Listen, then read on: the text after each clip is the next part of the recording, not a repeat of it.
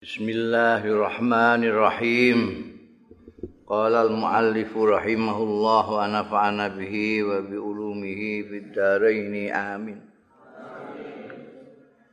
Wa qala al-Hasan kanu yaquluna iku ya. Kanu ana sapa wong-wong iku yaquluna padha ngucap sapa wong-wong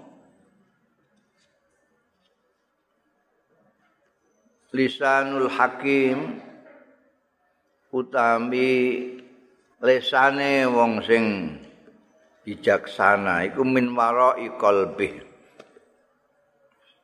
saka mburine atine hakim. Ida arada tatkala ning arepake sapa hakim ayakula Ento ngucap sapa hakim mang berkata-kata ngendikan rojaa bali sik sapa hakim ila qalbi marang atine. Fa in kana lahu qala wa ilam yakun lahu amsaka. Fa in kana mongko lamun ana qalbu iku lahu mendukung karo Al-Hakim kala mongko ngendikan ya Al-Hakim. Wa illam yakun lahu amun ora ana ya kalbu iku lahu mendukung Al-Hakim amsaka.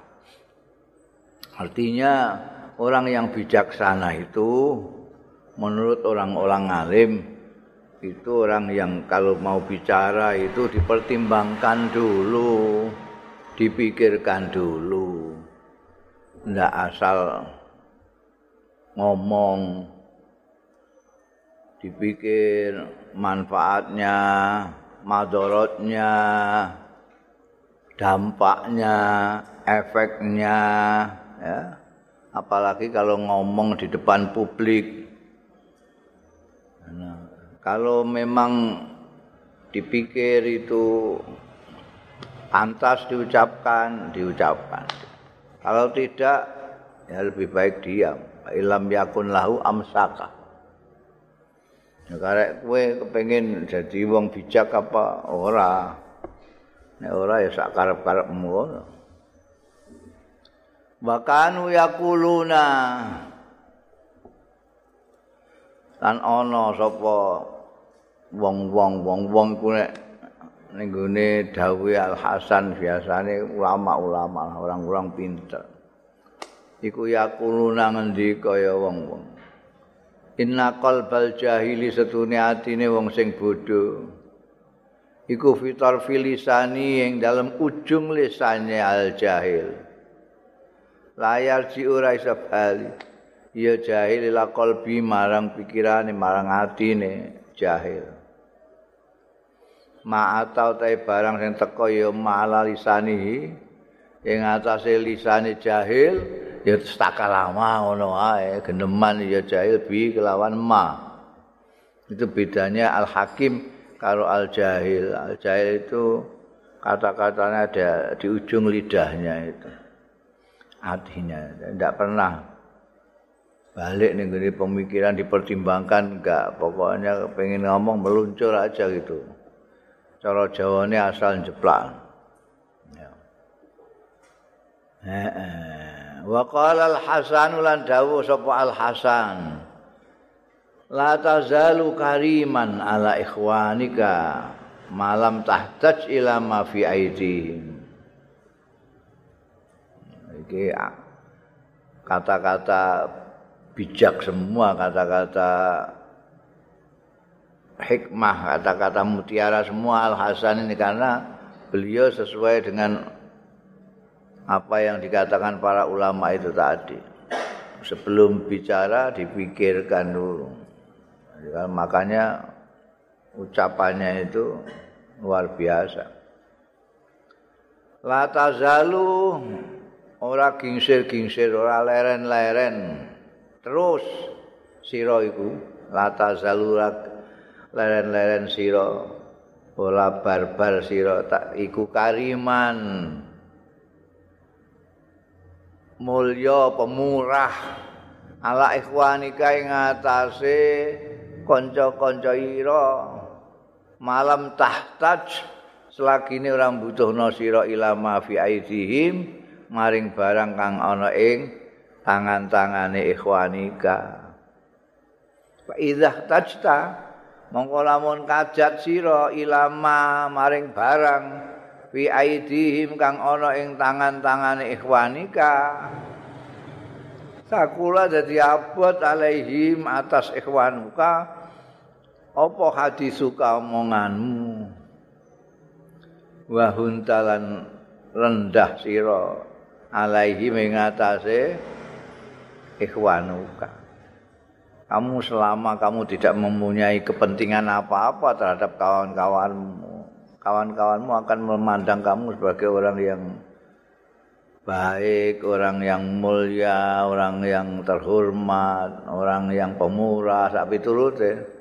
Tapi begitu kamu punya kepentingan terhadap apa yang dimiliki mereka, sudah jatuh kamu, jatuh. Omonganmu barang gak pati dirungokno. Sakula alaihim hati suka, genemanmu barang mesti rasa es, di paling-paling meh jaluk aku ya.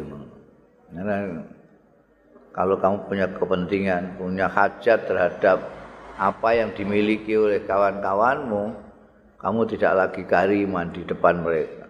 Hun tale, kamu jadi rendah Ya. Ini prinsipnya orang itu harus apa namanya iktimat ala nafs. Percaya kepada diri sendiri. Tidak perlu tamak terhadap milik orang lain. Faslun. Ruya Khalid bin Safwan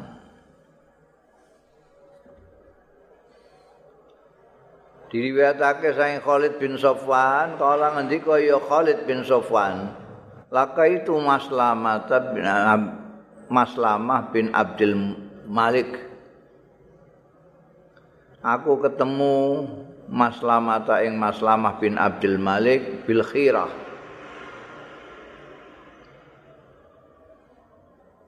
Khirah itu daerah ning Irak. Ba'da halak Ibnul Mahlab sakwise matine Ibnul Mahlab.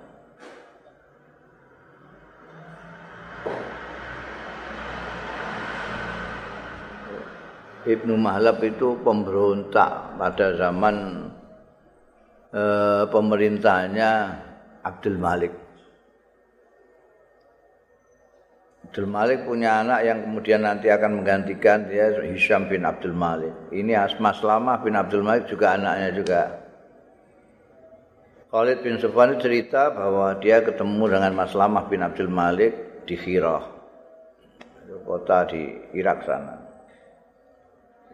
termasuk wilayah Basrah. Setelah kematiannya bin Mahlab, bin Mahlab ini asalnya orangnya Abdul Malik juga, tapi bolak-balik ada apa namanya gegeran cara politis dengan Al-Hajjaj.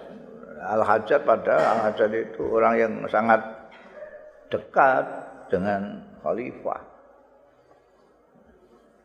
Bolak-balik dikurung sampai Hajjaj itu. Begitu bisa lolos, dia mengadakan pemberontakan. Tapi kalah hati. Faqala mongko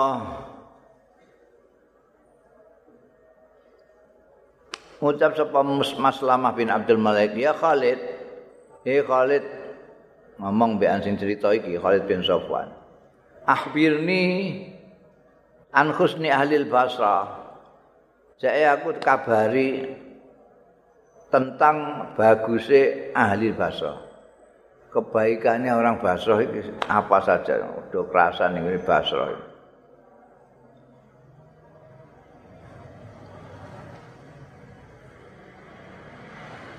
Kala ndika sapa Khalid bin Sofwan kultu ngucap sapa ingsun ana jaruhu ila jambi wa jalisi fi khalqatihi kana asbahun nas sariratan bi alaniyatin aku iku kula iki ana iku jaru tanggane. Tanggane ahli Basra jadi sama-sama ahli Basra ila jambihi ana ing sandinge. Wajalisi lan kanca duduk fi khalqatihi ing dalem khalqah kilungane. Kana asbahan nas sariratan bi alaniatan bi ala apa? Ngono gak enak kabeh apa? Wekmu apa? Ya. Wong-wong ahli bahasa iku asbahan nas. Luwih memper-mempere manusa apane sariratan batine bi alaniatin kelawan jaban. Artine orang itu kebanyakan itu jauh. Antara yang diomongkan dengan yang ada di dalam hatinya itu jauh itu. Ora memper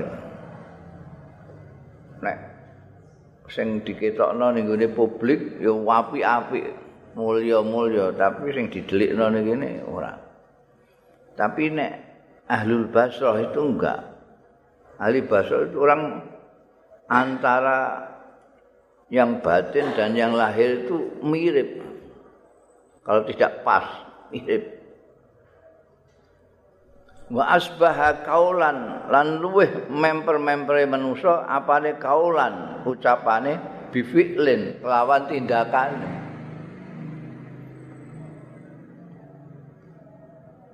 Ucapan dengan kelakuannya itu mirip sekali paling mirip adalah orang ahli bahasa orang ahli bahasa paling mirip antaranya ucapan dan tindakan Nek umumnya kan ora. Jauh sekali antara ucapannya dengan perbuatannya. Ucapannya koyok yoyo, tapi perbuatannya rakaru-karuan. Ingko ada ala amrin kaum abihi. Nek tengok-tengok ahlu basrah. Ala amrin ing atase suwijining perkara. koma sing ngadeg ku amrun bihi kelawan ahlu basar. Tengok-tengok orang lakoni suatu pekerjaan, pekerjaannya itu yang datang kepadanya. Wa in qama bi amrin qa'ada alaih. Kalau jumenengi ya ahlul basrah bi amrin lawan suwijining perkara, kok ada tengok-tengok ya amrin alaihi ing atase ahli basa. Oh, ngono ya. Kalau dia tengok-tengok tidak melakukan apa-apa. Apa-apa itu yang datang untuk dia apa-apakan sama ahli basa. Tapi kalau dia melakukan sesuatu pekerjaan, pekerjaan tengok-tengok sampai selesai. Manut dengan dia. Dengan ahli basrah itu. wa in amara bi amrin kana a'malan nasi bihi tatkalane perintah apa al basra bi amrin lan suwijining perintah kana mongko akmal akmal kana mongko ya ahli basra iku hasanu ahli basra akmal sing ditakokno sing apike ahli basra ahli basra sing paling apik ya Al Hasan lah. Ya. Hasanu ahli bahasa itu jojo sing dimaksud Al Hasan Al Basari. Mereka ini mirip semua dengan Al, Al Hasan Al Basari ini. Nusamu ya mon. Hasanu ahli Basra. Oh, ini mirip sekali. Jadi Kalau dia perintah sesuatu bi amrin, kana mongko ana ndik niku akmalan nasi luweh ngamalno ngamal-ngamalane manusa bi kelawan amrin jadi kalau dia memerintahkan kerja bakti dia itu yang paling beram mengerjakan duluan. Kalau perintah salat dia duluan salat itu. Perintah apa saja dia akmalan nasibihi. Ya ini al hasan ini. Wa innaha an syai'in lamun larang beliaunya an syai'in saking sesuatu kana mongko beliau iku atrak atrokan nasi luweh ninggal-ningali manusa lahu marang syekh kalau dia ngelarang dia paling menghindar duluan wah itu pemimpin yang bagus ya begitu itu kalau merintahkan sesuatu dia sendiri konsekuen mendahului melakukan itu Kanjeng Nabi Muhammad Shallallahu Alaihi Wasallam ya seperti itu. Kanjeng Nabi itu melakukan apa saja itu di beliau dulu. Diperintahkan oleh Allah akimis sholat itu kanjeng Nabi yang sholat duluan. Dilarang maka sebelum Kanjeng Nabi melarang kepada umatnya, beliau dulu menghindar itu, paling duluan menghindar. Iya ini Al Hasan. Wa wajadtuhu lan nemu sapa ingsun ing beliau tak temu mustaghnian yang sumuh anin nas. Jadi tidak pernah membutuhkan orang, tidak pernah punya kepentingan dengan orang lain. mustaghniyan anin nas.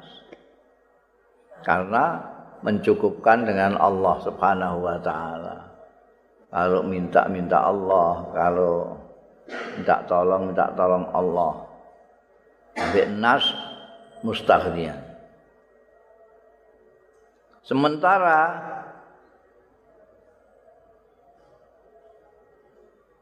wa wajadtun nasa nemu sapa ingsun ing wong-wong muhtajina ilaihi do butuh kabeh nasilaihi oh itu. Dia tidak butuh orang orang selalu butuh kepada beliau. Ini gak tahu jaluk tulung kan. Tapi wong jaluk tulung di ini pirang-pirang. Orang-orang itu selalu tatapanit ke beliau. Isih harap terus meneh maqala ngucap sapa Maslamah bin Abdul Malik hasbuka hasbuka. Wis wis wis hasbuka itu cukup cukup. Kaifa dhalla qaumun kana hadza fihi kepriye dhalla qaumun kok dadi sasar ya kaum Karena kang ono sapa haza orang seperti ini. Fihim ing dalam kaum. Orang bahasa kok do sesat kabeh padahal ada tokoh seperti ini di antara mereka.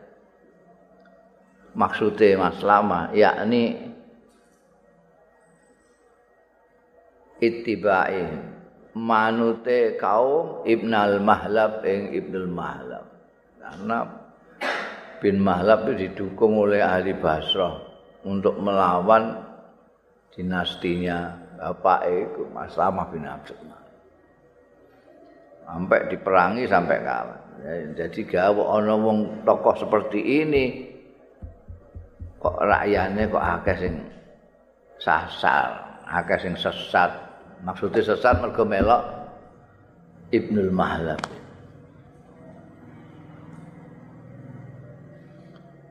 Wa an Mubarak bin Fadalah qal. Saking Mubarak bin Fadalah, kala ngendika sapa Mubarak bin Fadalah. Kala matul sapa rajulun wong lanang suwiji lil Hasani marang Al Hasan Al Basri. Hadir tu kula niku hadir ngadiri rajulan ing seseorang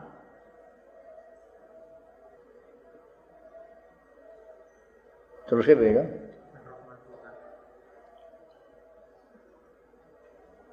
Hadol turajulan Farahmatuka min kasrati ma zakarauka. Farahmatuka mau kula aturi nyaake ini panjenengan. Rahmat panjenengan. Melas asih panjenengan min kasrati ma zakaraka saking katahe barang zakaraka sing nutur rajulan kaing jenengan. Jadi wadul ana sing ngrasani Al Hasan. Iki sampean sing kathah pengapurane sing kathah welas asih nggih. Yang mbak niku kathah nutur jenengan iku. Kala ngendika sapa Al Hasan. Para aitani zakartu mongko tau tumon sira ing ingsun zakartu nutur sapa ingsun ing rajulan rajulan iku bolak-balik nutur aku karo awakmu. Lah kowe tau roh aku nutur ndekne apa gak?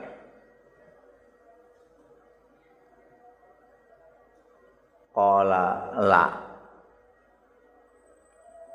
Mboten kala dawuh sapa Al Hasan, fa iyahu arham.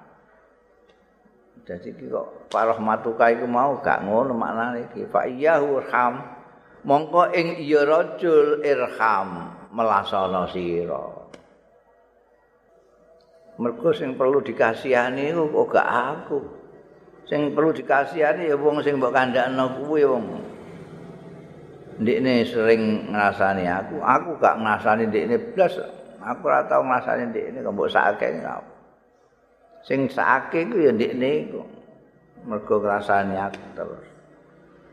Yo wong ngrasani wong iku sing perlu di disakeni. Ora kok sing dirasani. Sing dirasani kira apa-apa. Malah apa jenenge untuk ganjaran ya. Kalong dosane. Sing perlu dikasihani itu yang ngrasani. Wa qala Umair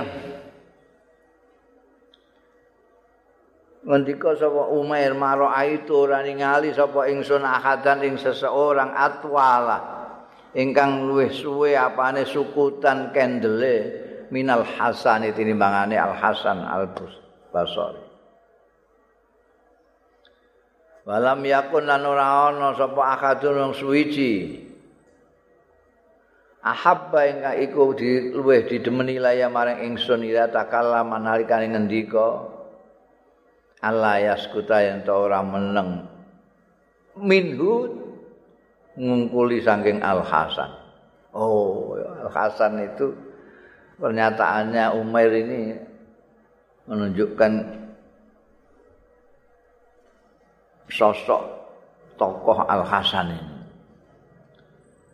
Saya tidak pernah lihat orang yang banyak diam seperti Al Hasan. Meneng paling suwe. Nek kumpul wong ngono meneng-menengan paling meneng liyane wis gak betah kudu ngomong ae. Beliau menang. Saya tidak pernah melihat seseorang yang diamnya begitu lama seperti Al Hasan. Tapi saya juga tidak pernah melihat orang yang saya inginkan supaya terus bicara.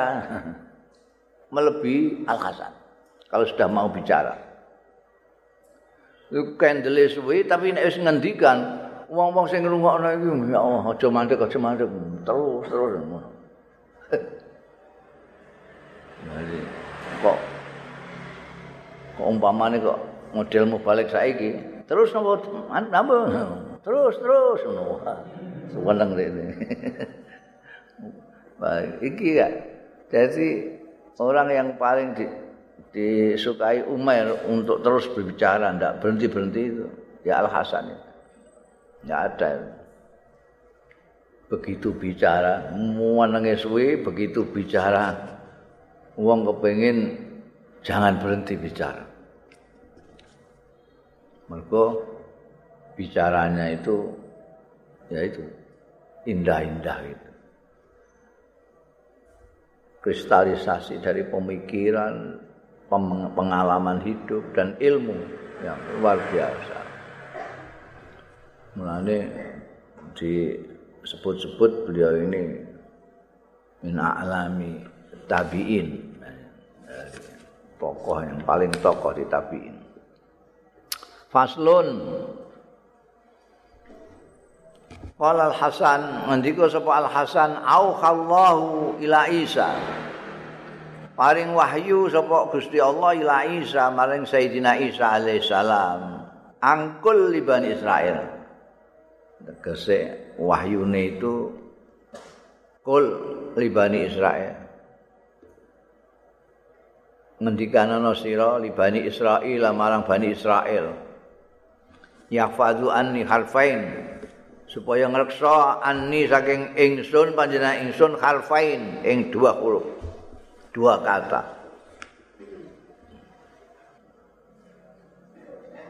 Dua. Ayardo. Apa itu terus ya badani eh? Ayardo bidaniyil dunya yang torido kelawan luweh rendah-rendah ing dunya li salamati dinihim kanggo keselamatane agamane Bani Israel. Kama anna ahla dunya kaya dene setuhune ahli dunya raduna padha puas bidani din kelawan rendai agama li salamati dunyahum kanggo keselamatane dunyane. Ahli dunya. Ini Nabi Isa mendapatkan wahyu yang isinya itu suruh mengatakan kepada Bani Israel. Bani Israel supaya menerima saja puas dengan sedikit materi dunia. Rendah apa jenenge? Mangan ya berase terimalah. Sempat apa-apa ora usah raja lele apa. Rendah-rendah umpak liyane do sepeda motor cukup sepeda ontel jani dunia itu itu ya yang ndak usah mewah-mewah, ora usah mewah-mewah kayak mereka yang yang ahli dunia. Nek ahli dunia kebalikannya sana. Kamu itu kamu balik aja. Nek ahli dunia itu karena keselamatan dunia mereka, ingin dunianya itu sehat walafiat, segar bugar, lemu gendut wetenge. Sampai agamane wis sak apa sambilan ngono ae saanane mereka itu saanane agamane eh mbayang ya sak kabere poso sak kabere eh apik karo dulur ya sak kabere nek kira-kira bertentangan dengan kepentingan duniawinya ya ora usah rasa apik-apik karo dulur. Nek perlu naboki dulur gak apa-apa. Jadi dani din mereka demi keselamatan dunia. Nah Nabi Isa dikadawan untuk memberitahu Bani Israel kamu jangan begitu. Kamu justru kebalikannya. Kamu puaslah dengan ala kadarnya soal dunia demi keselamatan agama. Jogo keselamatan agama ini ngantek kowe marah, ngantek kowe ora iso sugih, ngantek kowe iku terima saja. Eh? Sebagaimana kebalikan orang-orang ahli dunia, ahli dunia itu mereka rela dengan dunia yang apa agama yang ala kadarnya lah, ala kadarnya. Eh, hendak sempat-sempat saja sembayangnya demi keselamatan dunia nih. Pangkate, buandane, batine, jabatane asal selamat wis agamane belesek lah apa-apa mereka itu. Eh. Malah kadang-kadang agamane tinggu tuku kepentingan dunia.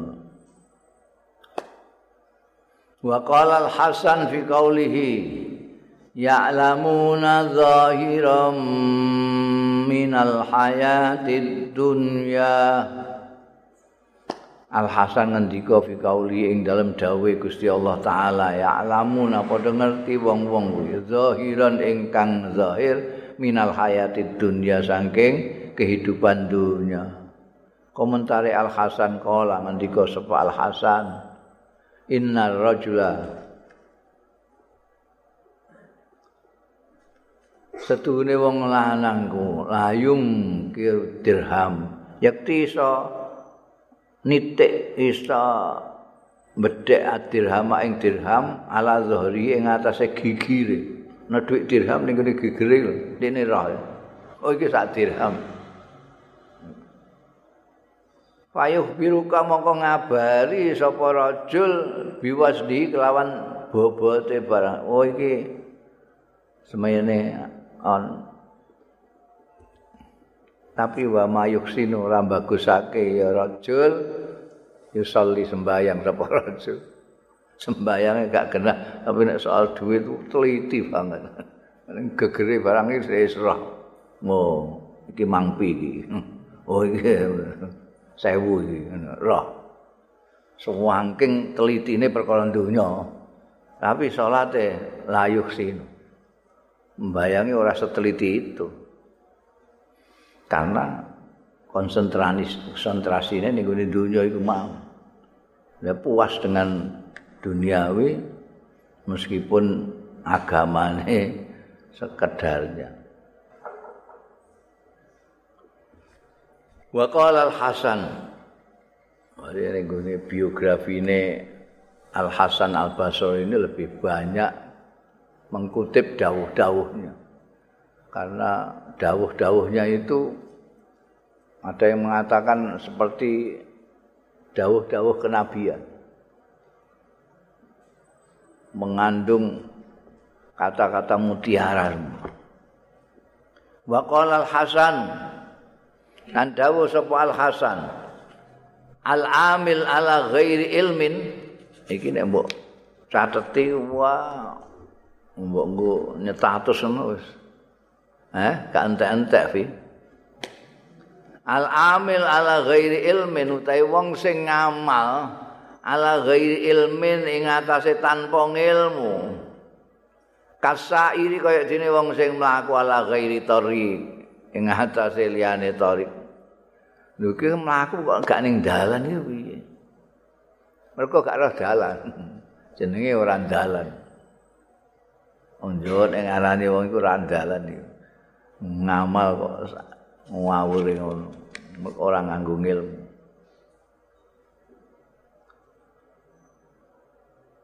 Wal amilu ala ghairi ilmin, utawa wong sing ngamal ing atase tanpa ilmu, mayuf situ orang rusak. Sapa amil aksar kang luwih akeh mimayus lihu tinimbangane barang. Sing gawe bagus. Iya amil. Jadi pokoknya ilmu jadi nomor siji pokok. Kowe kok arep ngamal apa-apa iku kudu nganggo ilmu. Nganggo ilmu. Nek ngamal tanpa ilmu iku padha karo kowe mlaku tapi gak ngeroh dalan. Yo kesasar-sasar gak karu-karuan.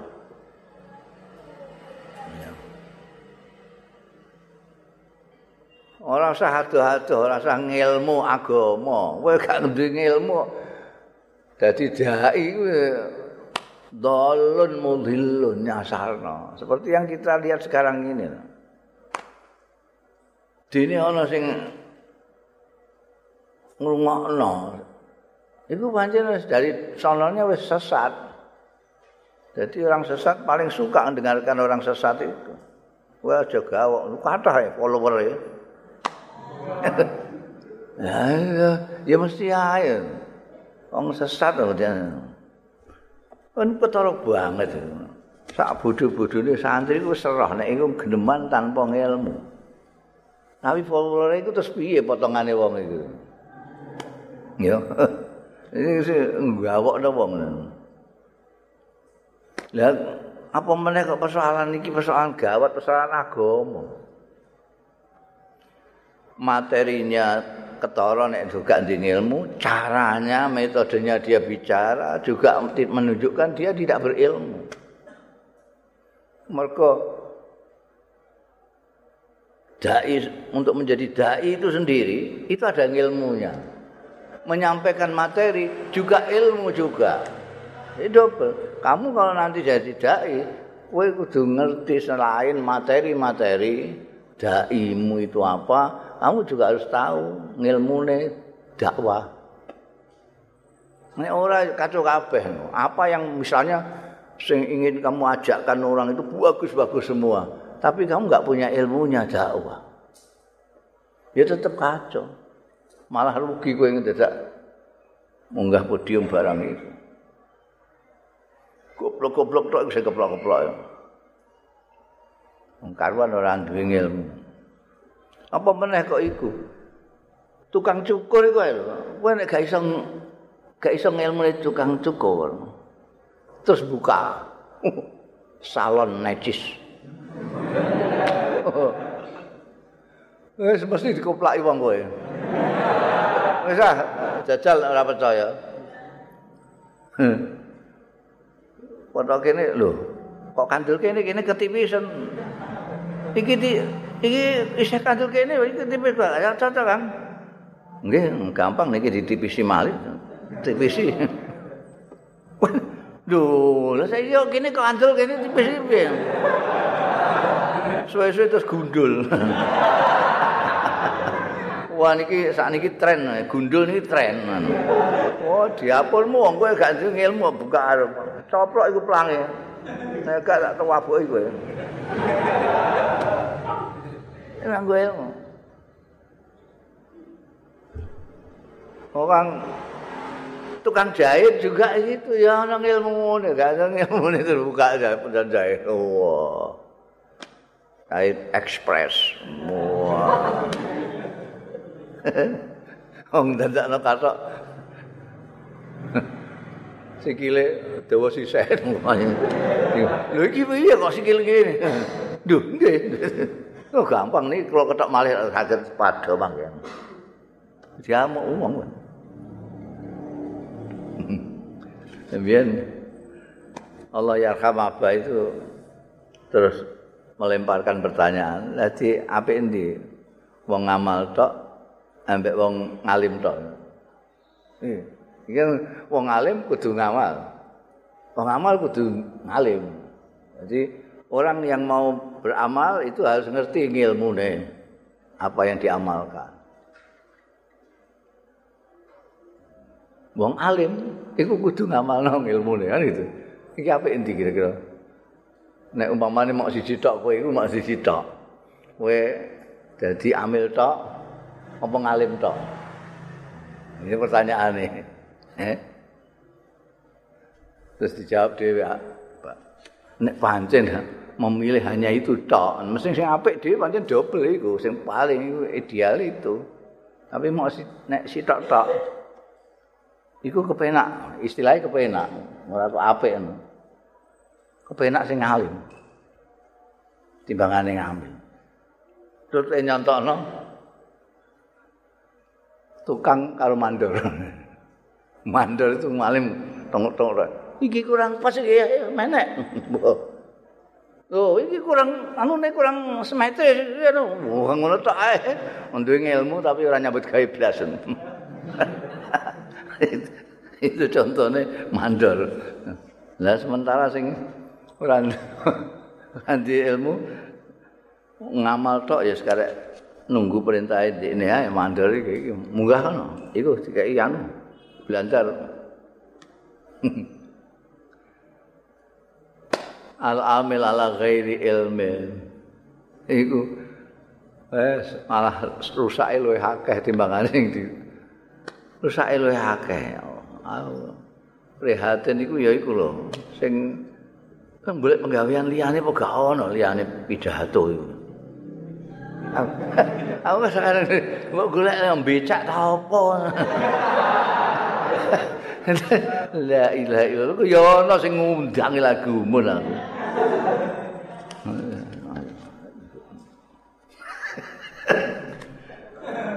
kerusakannya lebih banyak daripada itu lihat sekarang ada orang-orang yang non muslim itu begitu benci dengan Islam karena dia tidak tahu bahwa yang goblok itu muslim yang itu tadi bukan Islamnya. Nah ini nggak disadari sama orang-orang muslim sing iku mau nggak gelem ridho jadi penggawean sing biasa apa ta apa Jadi tukang jadi apa kan iso yang lebih terhormat. Nek kepengin mulya ya nyalon DPR lah. Ora jadi penganjur. Ini adanya sekarang ini di dunia itu ada yang namanya Islamofobi. Islamofobi itu guting karo Islam. Kenapa? Karena yang dilihat orang-orang Islam yang nggak genah itu. Kenapa orang Islam nggak genah? Karena di pidato ini wong-wong sing ora genah itu. Paham gue? Jadi ini rusak, rusak. Ini saiki ana sing ngomongnya Islam itu. Itu gara-gara kelakuannya wong Islam. Mulane dari dulu sudah ada sing ngendika al-islamu mahjubun bil muslimin. Islam tertutup oleh kelakuannya orang-orang muslim. Lha iku sing ngamuk-ngamuk Islam dianggap agama tirani segala macam. Kenapa? Karena gawe ini maksa-maksa, nek poso terus maksa wong nutup warung barang ngono iku. Nek padahal nek ndelok Islam gak ono ngono iku. Gak ono perintah nutup warung gak. Nek muni ana jake dudono dalile, ngono tak ono ngono. Wong jaman biyen warunge gak ono. Sing ditutup apa?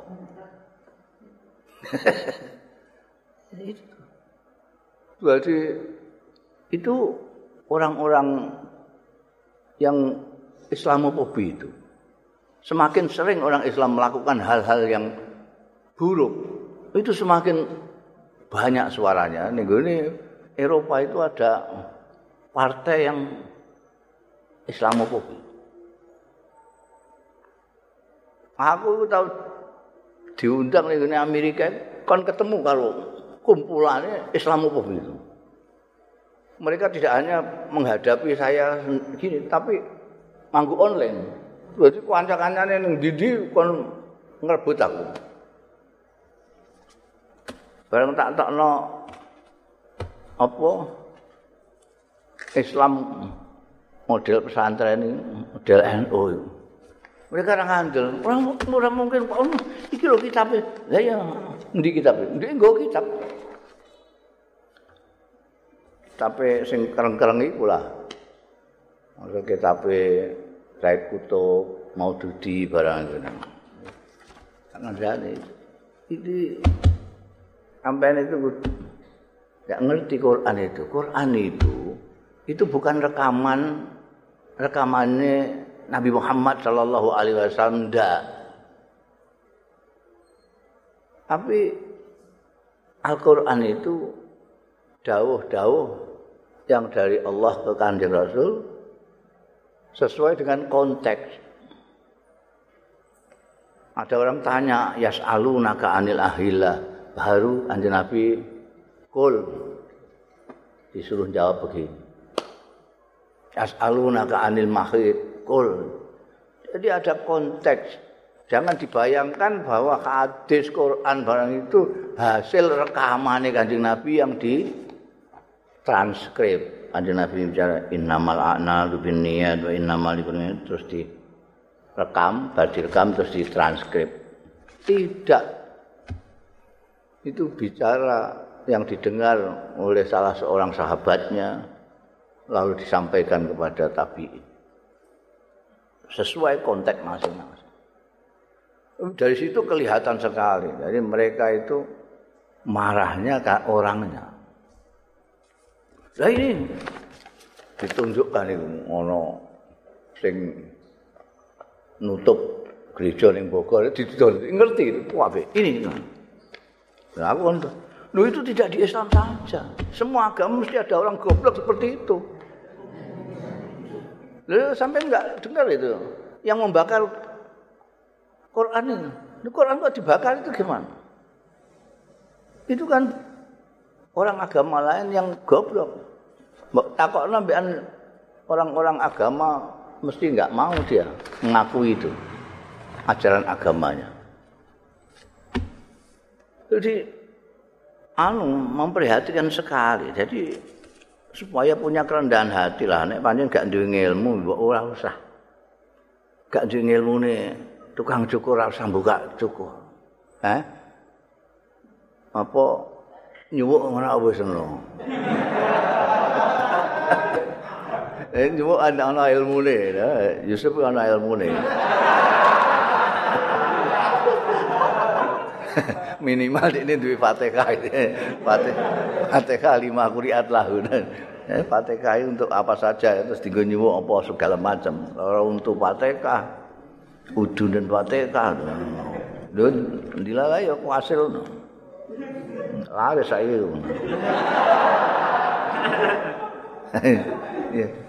Jadi supaya tahu diri lah kemampuannya apa, ilmunya apa. Oh, maksudku gitu. Ora usah lho ya Allah. Ana sing jarene akeh akeh ae metu saka agama ini mlebu gune agama Islam. Cukup-cukup terus dadi mubalik. Mergo akeh wong Islam wana-wana iku sing kepengin krungu iki ana apik temen iki. Wong agama liya kok ning mlebu Islam, jake genemane piye? Nggo nyenengno wong-wong iki terus ndekne ngelek-ngelek agamane sing lawas. Lha kemplu bin kemplu to.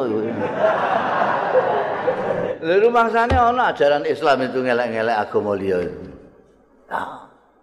Wong Kanjeng Nabi Muhammad sallallahu alaihi wasallam hidup berdampingan dengan orang Yahudi Nasrani di di Madinah itu. Malah ada deklarasi bersama. Lah itu. Orang daden-daden mubalik daden-daden. Wis ngaco banget. Orang ngajak, dia enggak ngerti juga fungsinya dakwah itu apa. Kita harus ngerti. Kowe iku nek meh dadi dai kok kudu ngerti. Pertama, ilmune dakwah, materine dakwah. Fungsinya dakwah. Kamu dakwah untuk apa? Golek keplok. Nek golek keplok oleh berkobar-kobar dikeplok iku. lagi salam manis dikeplok. Assalamualaikum warahmatullahi wabarakatuh. Goblok. Geneman sithik engko rada lali selawatan. Iku teknik-teknik e wae. Dadi nek lali sing diomongno apa terus selawatan. Wong selawatan ndek ning eling-eling terus piye. Eh, kacau ya. Amatiran kabeh ini. Rusak agama ini. Jadi kowe kudu ngerti fungsimu iku apa. Mau ngajak apa mau apa? Ngajak kasih piro jajal? Akeh sing do mlayu. Paling ora akeh sing do mangkel. Sing dimangkeli ora ndik, sing dimangkeli agama, lara kabeh. Mbok bandingno karo Wali Songo, hanya berapa tahun? Orang yang diajak sekian banyaknya. Mayoritas dari Hindu Buddha. Kan enggak ada namanya ngajak nah terus sangar ini ngancam-ngancam gak antek wong do wedi kabeh. Wong malah do wedi. Wali Songo kan enggak.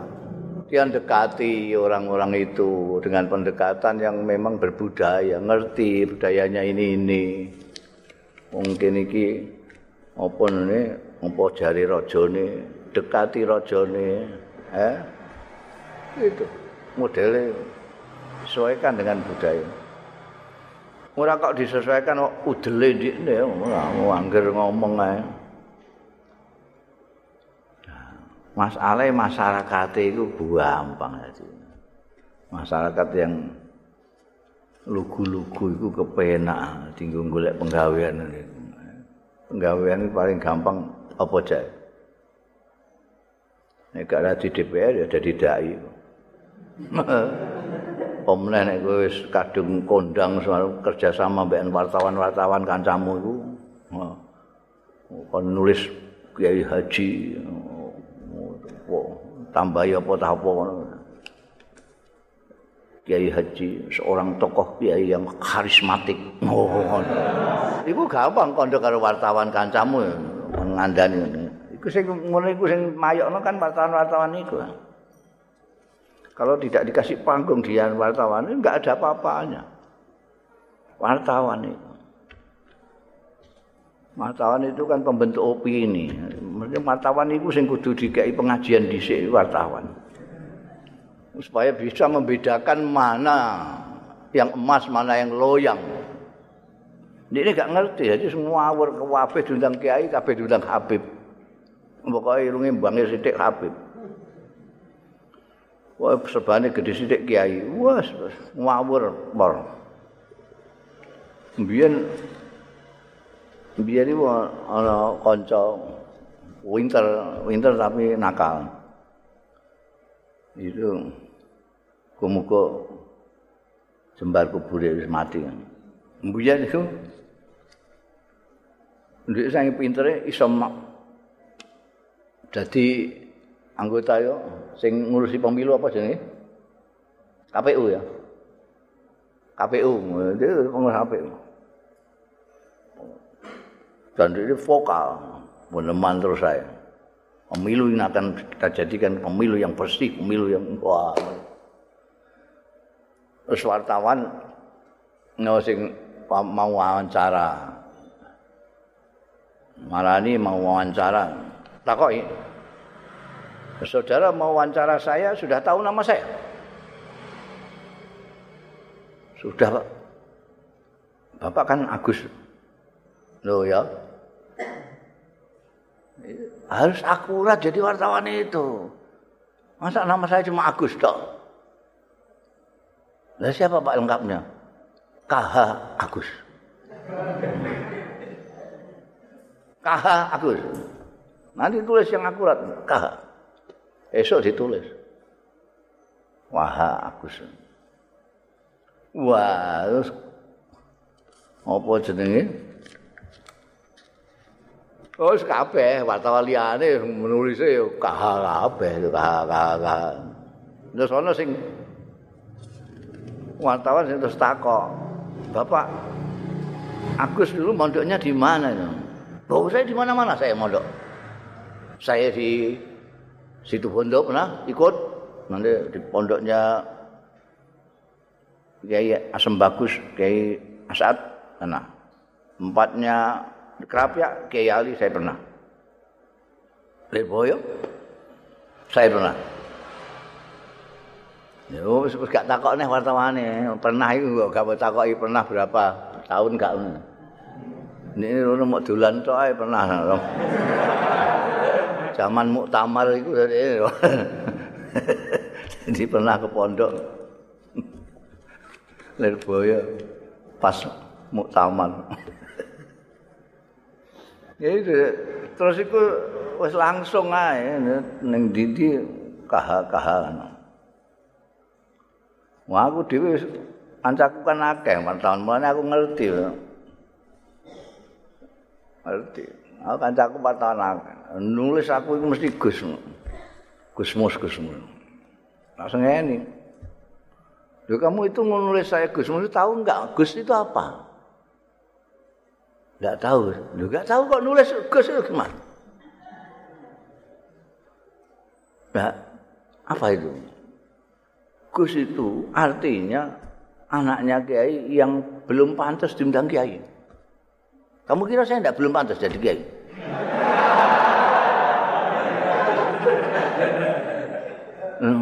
Terus gimana? Terus gimana? Terus pikir dia. Hmm.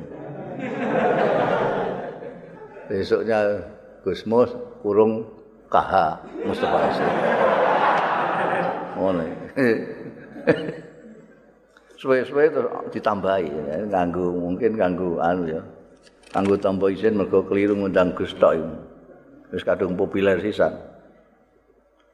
Ditambahi Kiai khos yang karismatik dari Rembang. Wah. Ya ngono apik aku niku. Mulane aku terkenal iki ya gara-gara duwe kanca wartawan ngono iku. Ngarek Gus Mus iku wah terkenal iku. Nyaingi Gus Dur. Itu. Jadi ini akhirnya terus naik tingkat. Gus iku naik tingkat gara-gara wartawannya. Sing Gus asale anake kiai sing urung pantas diundang kiai, jadi di atas kiai. Jadi saiki iku pengertian umum, opini itu terbina. Nek kiai iku wis wis biasa lah. Nek wis Gus lah iki. Iku iku mulaine sejak Gus Mik Gus Dur Gus Mus. Mulai saiki wong luwih seneng diundang Gus timbangane diundang kiai. termasuk dukun-dukun saiki ora muni iki. Ora muni kiai, ora muni kiai Yusuf gak Gus Yusuf.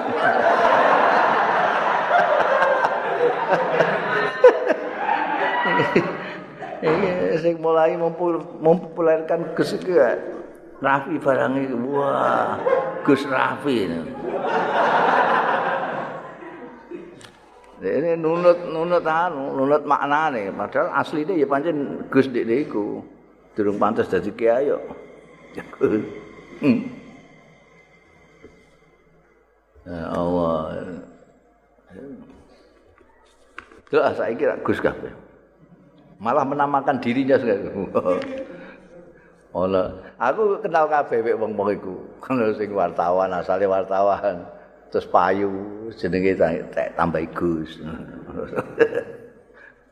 Den darani kaya Gus Dur, kaya Gus Mus.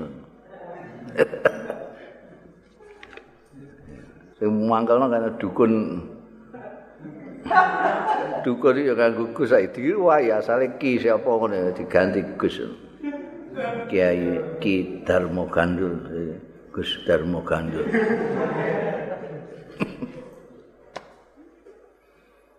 Allah. Ndi mau ilang. Qala Al-Hasan. Ngendika sapa Al-Hasan Al-Basri, kullu nafaqatin yunfiquha ibnu Adam yuhasabu 'alaiha yaumal qiyamah illa nafaqatur rajul ala ikhwanihi. Wah, ini penting. Kulu nafakatin utai setiap nafkah, setiap nafkah. Kalau kamu memberikan sesuatu tanpa imbalan itu nafkah, infak. Kulu nafakatin yumfikuha sing nafakahna sapa ibnu Adam ha ing nafkah. Kulu nafakatin utai saben-saben nafkah yumfikuha sing nafakahna ing kulu nafakatin sapa ibnu Adam anak Adam yuhasabu alaiha. bakal dihisap sapa Ibnu Adam alaiha ing atase kulo nafaqatin yaumal kiamati ana ing dina kiamat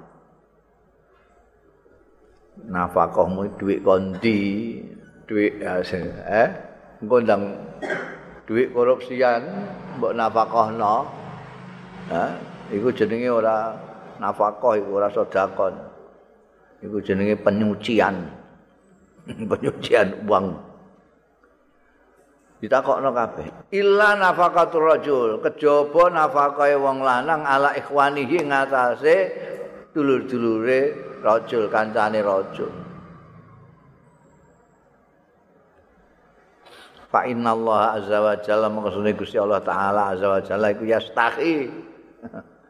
Ora mentolo yasalahu ana. Yen to ndangu apa Allah hu ing Ibnu Adam anha saking nafaqatur rajul. Oh nafakoi dulure kancane iku gak dihisab. Ora dihisab. Ya terus nafkah ya apa sing di Soale iki embek kancane. Nafakoi gawe langgar, nafakoi apa jenenge gawe masjid sak piturute iku kok di, bisa dihisab nek kowe ambek bojomu bae bisa dihisab tapi ambek ikhwan ora aneh ya